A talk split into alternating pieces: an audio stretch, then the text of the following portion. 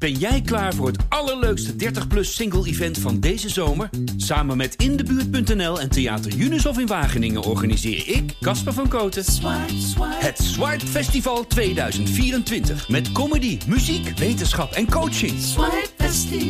Maar vooral heel veel leuke mensen. Bestel nu je kaart op swipefestival.nl. Swipe, swipe. Zometeen luister je naar een nieuwe aflevering van De Liefde van Nu. Maar voor we beginnen willen we nog even een oproep doen. We zijn op zoek naar mensen die worstelen met online dating, ghosting en de kloof tussen verwachtingen en realiteit. Wil jij je verhaal komen vertellen? Heel graag. Mail dan naar de liefde van nu volkskrant.nl. Ik heb wel eens het idee dat op het moment dat je je, je man verliest, of je kind, of je vader of moeder, dat iedereen wel heel erg goed begrijpt uh, wat voor leed dat met zich meebrengt. Maar als een vriendin sterft, dan is dat toch wel iets anders. En als dat dan een vriendin is die al twintig jaar niet had gezien, ja, dat snappen mensen eigenlijk echt niet. Het verliezen van een hartsvriendin is altijd heel zwaar, maar nog zwaarder als die vriendschap in een ruzie eindigde. Lily vertelt over haar band met Charlotte, die gelukzalig is, vormend, maar ook verstikkend. Ik denk dat iedereen die ooit een middelbare scholier is geweest zich herkent in Lily's verhaal. Ik ook. Dit is de liefde van nu. Hey Lily. Ja, hi. Leuk dat je er bent. Dank je. Jij komt vertellen over een bijzondere vriendschap. Dat klopt, ja. Hoe oud ben je nu trouwens? 40. 40. Ja. En hoe oud was je toen je deze bijzondere vriendschap begon en met wie was dat?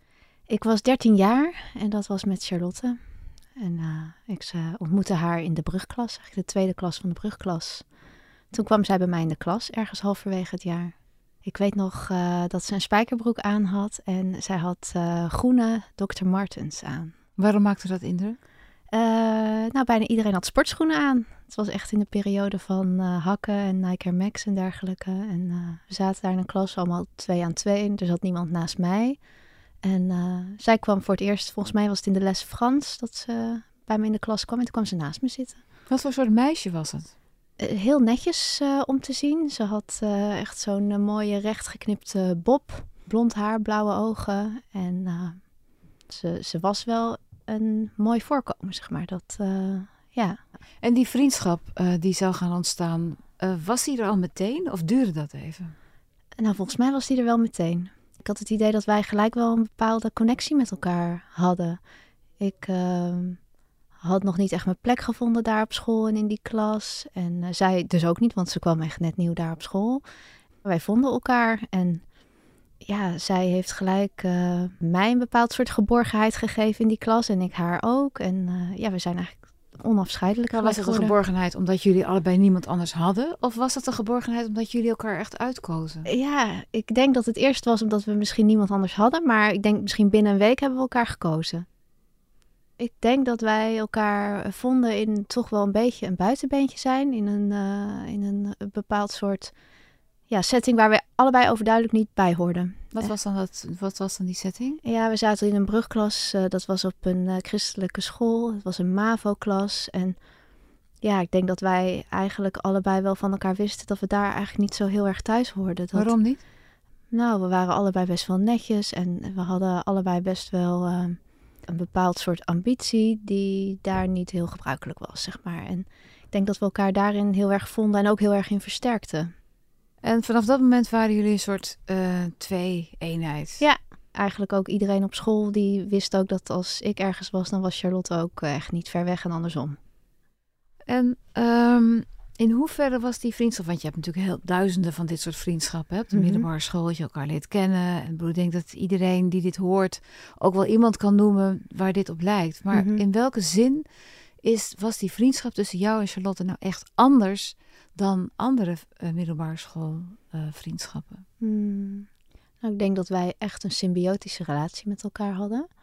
Dat uh, we alles samen met, met el elkaar deden, maar ook heel erg dicht op elkaars gevoelleven zaten. Dus op het moment dat zij een vriendje had, hoefde ze mij ook eigenlijk niet zoveel te vertellen. Ik wist precies hoe het zat. Hoe bedoel je dat? Ik wist, uh, nou ja, dat hij gekker op haar was dan zij op hem. ik wist ook dat zij eigenlijk iemand anders leuker vond. En dat is nooit iets wat eigenlijk echt dan werd uitgesproken. Maar ik wist wel dat dat zo was. Hoe oud was zij toen, toen dat gebeurde? Toen ze dat vriendje kreeg? Uh, eh, 15, denk ik. Was je jaloers? Ja, ja, ja, ik was wel jaloers. Niet dat ik die jongen zelf ook heel erg leuk vond, maar ik was wel jaloers op hoe jongens op haar reageerden. En ja, dat ze daar. Ja, ze was echt een, een magneet uh, wat dat betreft. Keek je tegen haar op? Hmm, nou, ze was in ontwikkeling uh, verder dan ik. Dus in die zin uh, keek ik tegen haar op. Ook als ik bijvoorbeeld tegen haar zei van, oh, misschien ga ik hierna wel naar Hogeschool Zeeland. Dat zij dan ook degene was die zei, kom op Leel, er is echt wel meer in het leven dan Vlissingen en Middelburg. We gaan lekker naar de Randstad, we gaan, we gaan de provincie uit. Heb jij nu, nu je veertig bent, nog steeds het idee dat je iemand anders was geweest zonder haar? Ja, dat geloof ik wel. Wat dan? Nou, dat ik van de MAVO naar de HAVO ben gegaan. En toen we dus allebei nog wel op het HBO zaten, was ook al wel van, ja, misschien moeten we toch nog maar naar de universiteit gaan. Want als we dit kunnen, dan kunnen we dat uiteindelijk ook wel. Dat hebben we ook allebei gedaan. En ik denk, uh, ik denk wel dat zij voor mij ook wel een soort uh, leerschool was om uh, dus meer na te denken van wat ga ik nou zeggen en wanneer en tegen wie. Zij kon daar eigenlijk al best wel strategisch over zijn. Wat nu vaak in het werkend leven een heel groot voordeel is om wat strategischer na te kunnen denken. Dus in die zin is zij misschien ook wel een soort van buffer voor mij geweest om eh, het echte leven aan te kunnen. Keek zij tegen jou op? Nee, dat denk ik niet. Nee. Maar qua persoonlijkheid was het niet iets wat zij in jou bewonderde? Uh, nou, ik denk wel dat ik uh, heel erg een baken van rust voor haar was. Zij was echt wel iemand van de extreme, zeg maar. Ze kon uh, extreem boos worden of extreem blij zijn. En echt dan binnen een kwartier was dat ook veranderd, zeg maar, haar gemoedstoestand. Ik was altijd veel gelijkmatiger, veel stabieler. Ik denk dat ik daarom ook een goede vriendin voor haar was. Dat, dat, ja, dat ik echt wel haar anker was. Wat deed je bijvoorbeeld op die, toen je nog op die middelbare school zat? Wat, wat deed je als zij een dag er niet was? Oh, dat was vreselijk, want ik kan me dat nog zo goed herinneren. Uh, nou, omdat we dus geen mobiele telefoon of wat dan ook hadden, je kon dat niet aan elkaar laten weten. Dus dan was echt de leraar die ochtends zei: Oh, Charlotte is ziek. En ik kan me nog herinneren de eerste keer dat ik dacht: Oh, oké, ze is er niet. Ik dacht daar nog helemaal niet zo heel erg diep over na. Maar toen kwam de pauze. En toen dacht ik: Ja, wat ga ik dan nu doen? Moet ik dan in mijn eentje gaan rondlopen rond het schoolplein? Dus toen ben ik maar op de wc gaan zitten te wachten tot het kwartier voorbij was. En toen dacht ik wel: Oké, ik moet daar wel een soort plan voor hebben. Van als dit kan nog veel vaker voorkomen. Dit, ik ga niet iedere keer op de wc zitten. Straks is ze er morgen ook niet. En ik kan me ook herinneren dat ik uh, een beetje wanhopig aansluiting zocht bij uh, wat andere mensen. En dat zij wel keihard en echt uh, afwezen, zeg maar. Dus dat... Hoe deden ze dat? Nou, er liepen twee mensen op het schoolplein. En ik dacht, nou, ik ga kijken of ik aansluiting kan vinden. En ze draaide zich om en ze zei echt, een van de twee zei letterlijk, nee, jij mag niet mee. Dus dat was wel... Hoe was dat voor je? ja, ik denk dat ik echt moest vechten om niet in huilen uit te barsten. Ja. ja. Dus dat maakte ook wel de afhankelijkheid van haar pijnlijk duidelijk. Van oké, ja, ik ben dan echt alleen. En heb je daar consequenties aan verbonden? Heb je gedacht van oké, maar ik moet nu gewoon, dat kan niet?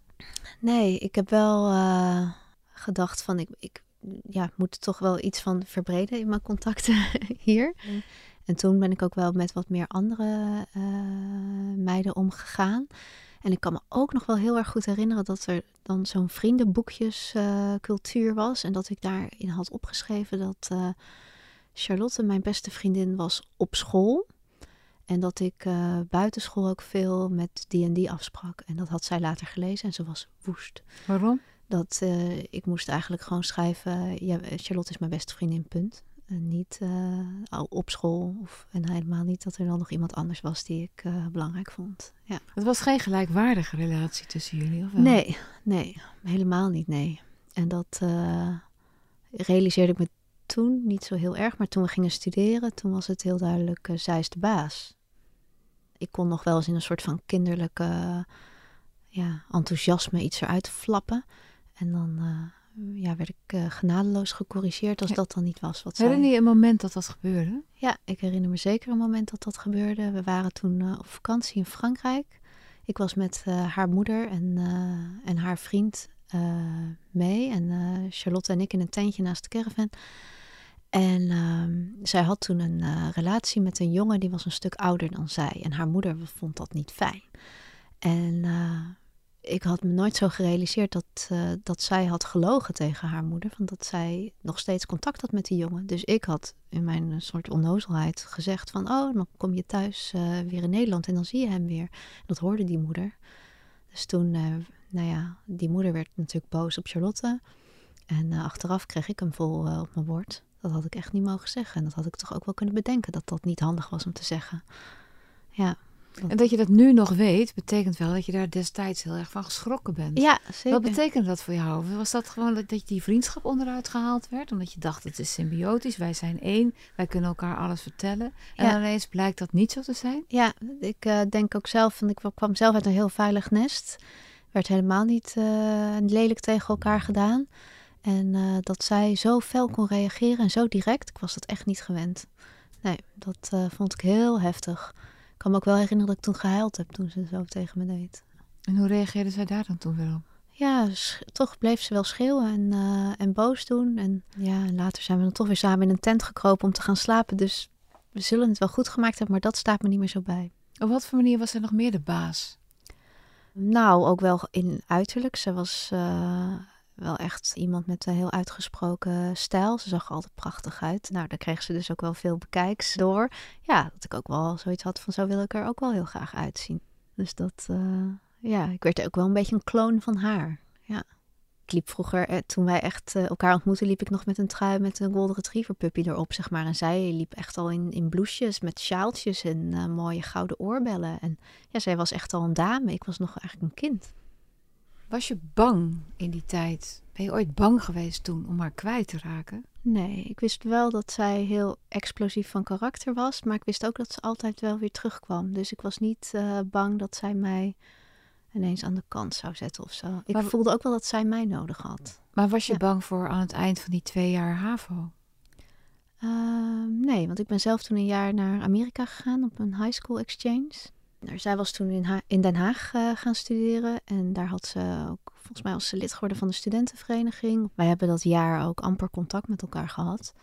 Maar toen ik terugkwam, toen uh, nou ja, belde ik haar gewoon op en gingen we weer afspreken. We gingen gewoon verder zoals het uh, geëindigd was. Was die verhouding tussen jullie toen veranderd? Was je nog steeds die kloon? Keek je nog steeds zo tegen nee, op? dat was wel veranderd. Ik had ook echt wel uh, een grote ontwikkeling zelf doorgemaakt in Amerika. Ik voelde mij toen eigenlijk ook wel heel werelds. En uh, hoe ja. vond zij dat? Nou, lastig. Zij vond nog steeds wel dat ik uh, eigenlijk een beetje in dienst van haar moest staan. En ik merkte dat ik daar steeds meer uh, me uh, voor ging irriteren. Als we dan uitgingen, en we gingen dan bijvoorbeeld naar Koningsnacht in Den Haag. En dan stond zij op de bar te dansen. En nou ja, op de duur dacht ik, ik ga ook gewoon op die bar dansen. Maar ik merkte dat op het moment dat ik ook dan wel bekijks trok, dat zij dat ook wel lastig vond. Want zij was eigenlijk wel de ster. Maar was ja. het wel vriendschap? Ja, weet ik niet. Ik, uh, ik heb ook uh, sinds we eigenlijk echt geen contact meer hadden, zeg maar, uh, ook niet heel erg met weemoed daar aan teruggedacht. Of... Want wanneer, ehm, vanaf wanneer zagen jullie elkaar niet meer? Dat zal in 2004 zijn geweest, denk ik. Toen hebben we een keer ruzie gehad in de trein. Wat ging die ruzie over? Ja, wij waren allebei in Zeeland geweest en we zaten terug in de trein. En zij was inmiddels gestopt met haar studie in Den Haag. Ze was in Maastricht gaan studeren. En ze was daar ongelukkig. Ze kon daar niet aarden. Ze had daar geen uh, vrienden. En uh, ze was eigenlijk totaal in paniek toen ze terug in de trein zat naar Maastricht. Ze wilde daar niet heen. Toen had ik tegen haar gezegd van nou, je mag wel een paar nachtjes bij mij logeren. Maar dat was niet het goede wat uh, ik moest zeggen, want uh, het was maar voor een paar nachtjes. En als ik een echte vriendin was geweest, dan uh, mocht, ze, mocht ze eigenlijk altijd wel bij mij logeren. Dus dat was niet goed.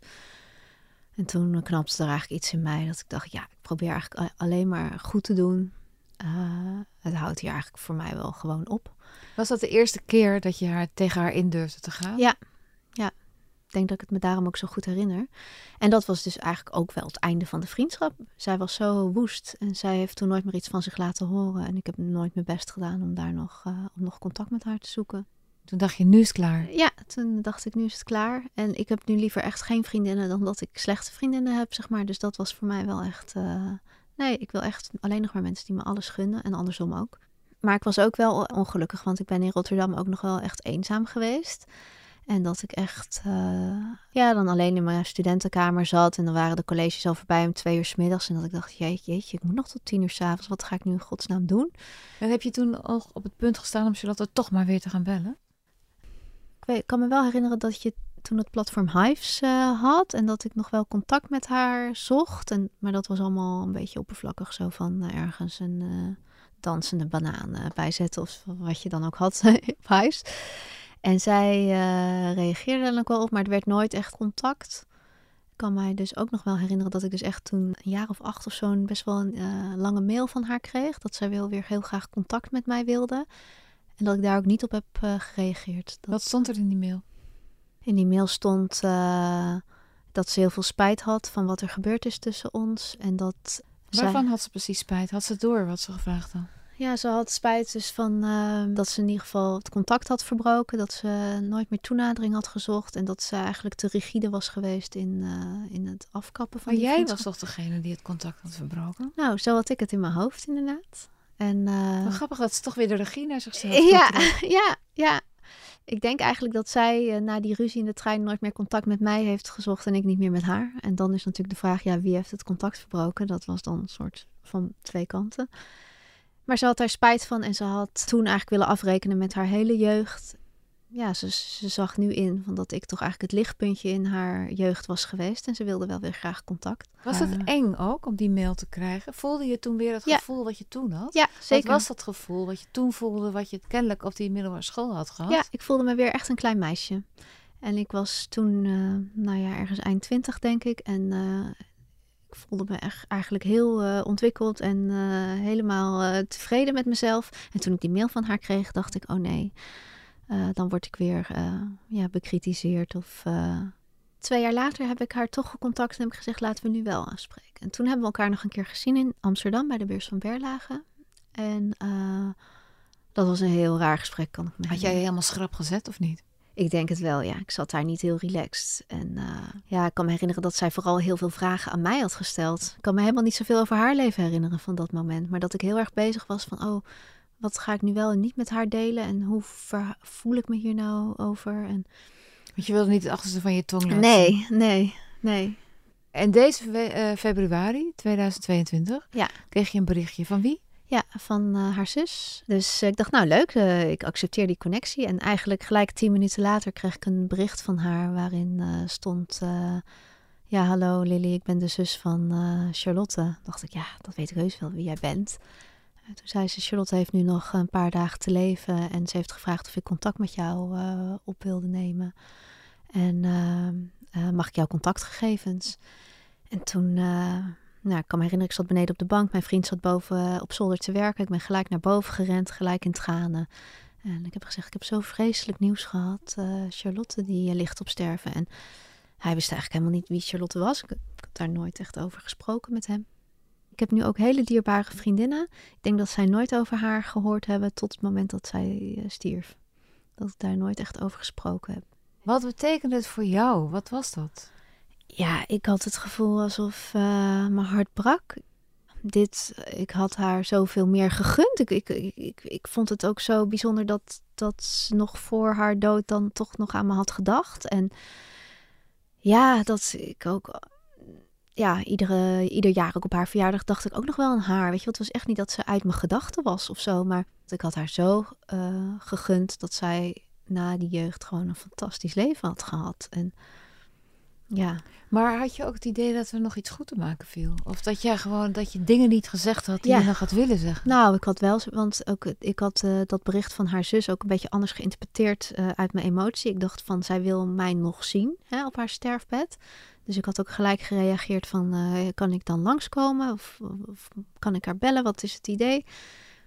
Toen zei haar zus, nee, ze is echt al te zwak daarvoor. Dus uh, ze wil graag dat je op de uitvaart uh, komt. Dus of ik mijn contactgegevens kon geven om op die uitvaart te komen. En ik dacht wel uh, toen van... ja, waar ik spijt van heb is dat als ik dat mailtje weer las... die zij mij had gestuurd toen, ongeveer twaalf jaar geleden... dat ik toen niet meer, zeg maar, uit mijn eigen reflex had kunnen komen... en dan met haar dat gesprek hebben kunnen voeren. Want ik denk eigenlijk dat zij dat gesprek wilde voeren toen wij elkaar zagen. Alleen dat werd heel oppervlakkig en... eh, Je was er bang voor.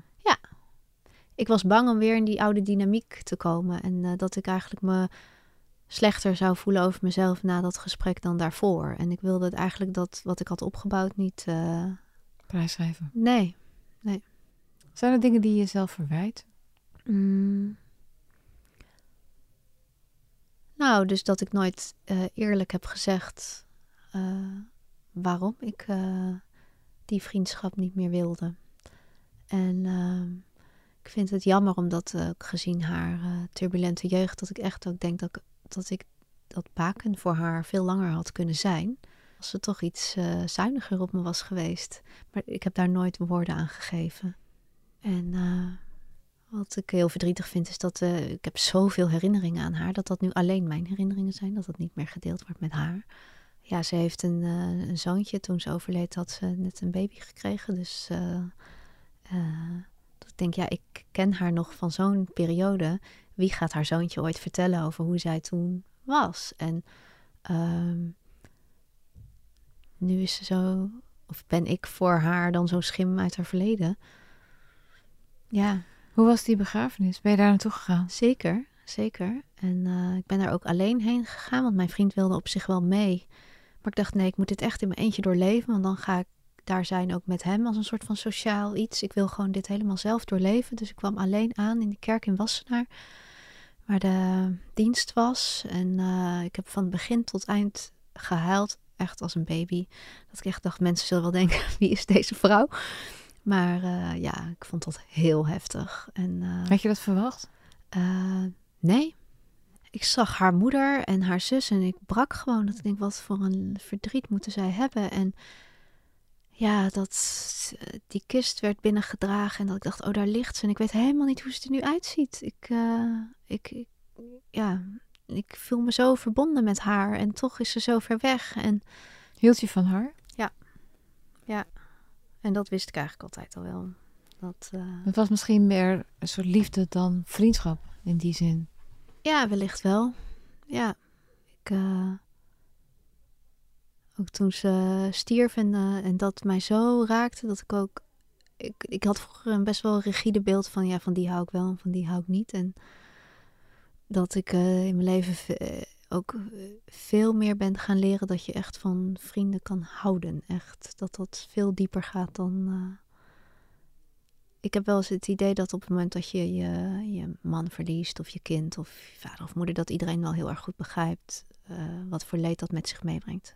Maar als een vriendin sterft, dan is dat toch wel iets anders. Dan moet je daar denk ik gewoon wel snel overheen zijn. En als dat dan een vriendin is die al twintig jaar niet had gezien, ja, dat snappen mensen eigenlijk echt niet. En eh, ja, dat in die periode is zij zo belangrijk voor mij geweest. En zij heeft eh, dat ik nu eigenlijk pas, denk ik, dat goed op eh waarde schat van ja, dat was wel echt liefde. Was Ja. dat toen misschien tijdens die begrafenis dat je ook pas echt realiseerde dat je van haar hield? Ook al had je haar al zo lang niet gezien. Ja, ik zag ook toen op een deur waren we na die dienst in de Wassenaar in die kerk, waren we naar een uitvaartcentrum gegaan waar de crematie ook daadwerkelijk zou plaatsvinden. Daar kwam ook een slideshow voorbij. En er waren ook nog foto's van ons van vroeger, dat we op vakantie waren gegaan samen en op schoolkamp of zo. Of, nou ja, echt wel een aantal foto's waar wij met z'n tweetjes op stonden. En eh, ja, dat ik daarin ook wel heel erg zag van het was natuurlijk zo'n overzicht van haar leven. Ik was ook echt belangrijk voor haar. En ik weet ook niet of zij dat misschien helemaal realiseerde toen die vriendschap eh, daadwerkelijk gaande was. Dat, eh, ik denk dat dat besef wel later was, want anders had ze me nooit meer dat mailtje gestuurd. Maar ja, dat, eh, ja, wij waren toen wel een beetje ja, alles voor elkaar eigenlijk.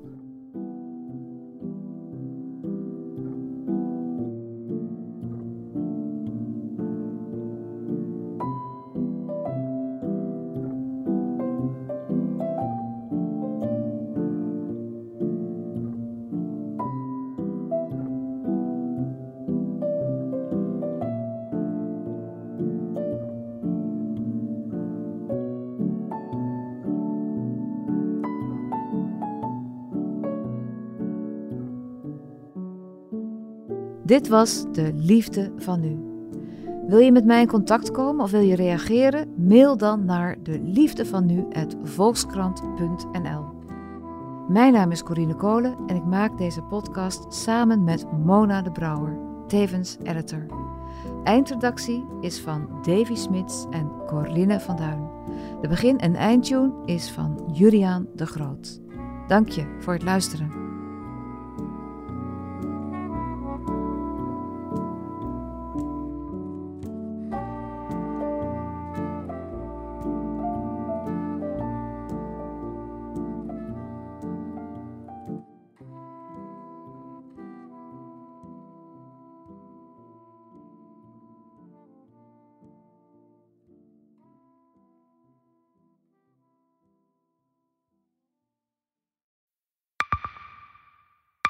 Zijn leven is overhoop gegooid.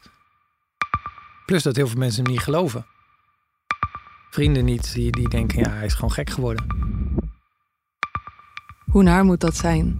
Als je vertelt over de meest indringende ervaring uit jouw leven en niemand gelooft dat je het echt hebt meegemaakt. Ja, ik vind zelf niet dat ik het verzonnen heb, maar sommige mensen denken dat wel. Maar hoe kom je erachter of jij je doelwit bent van een geheime dienst? Ik heb ook wel eens meegemaakt dat je het idee hebt dat inlichtingendiensten in je geïnteresseerd zijn. En dan kun je wel heel veel zien, wat er misschien helemaal niet is. Als ik s'avonds nog iets ging eten, dan volgden die mensen mee naar het restaurant. En dan terug van het restaurant naar het hotel. Als zij op een gegeven moment zei, kijk maar uit, want anders word je dadelijk nog voert ook. Shit, ik moet hier weg. Dat is, is niet goed. Nu word ik gevolgd. Een soort Truman Show is het gewoon. Hè? Alsof dat hele straatbeeld voor jou is ingericht. Maar dan wel met bedoeling jou niet door te laten. Dit kan geen toeval zijn. Een nieuwe podcast van de Volkskrant. Mijn naam is Simone Eleveld en samen met Huid Modderkolk ontrafel ik een bizarre operatie van de geheime dienst. Wat het doel ook is, jij verliest het. Ik werd opgepakt, heel lang ondervraagd. Maar hoe krijg je grip in een wereld die zo onderzichtig is? Als je zou liegen, dan zou je niet de meest relevante informatie twee jaar later tussen neus en lippen doorvertellen. Er zal nooit iemand zeggen: Oké, Bart, ik geloof je. Nooit, nooit. Dit kan geen toeval zijn. Vanaf 3 oktober bij de Volkskrant. Ik weet niet of ik ook alles kan vertellen. Het is echt te bizar. Wat? Um, ja. Ben jij klaar voor het allerleukste 30-plus single-event van deze zomer? Samen met Indebuurt.nl en Theater Unisof in Wageningen organiseer ik, Casper van Koten, het Swipe Festival 2024. Met comedy, muziek, wetenschap en coaching. Maar vooral heel veel leuke mensen. Bestel nu je kaart op swipefestival.nl. Swipe, swipe.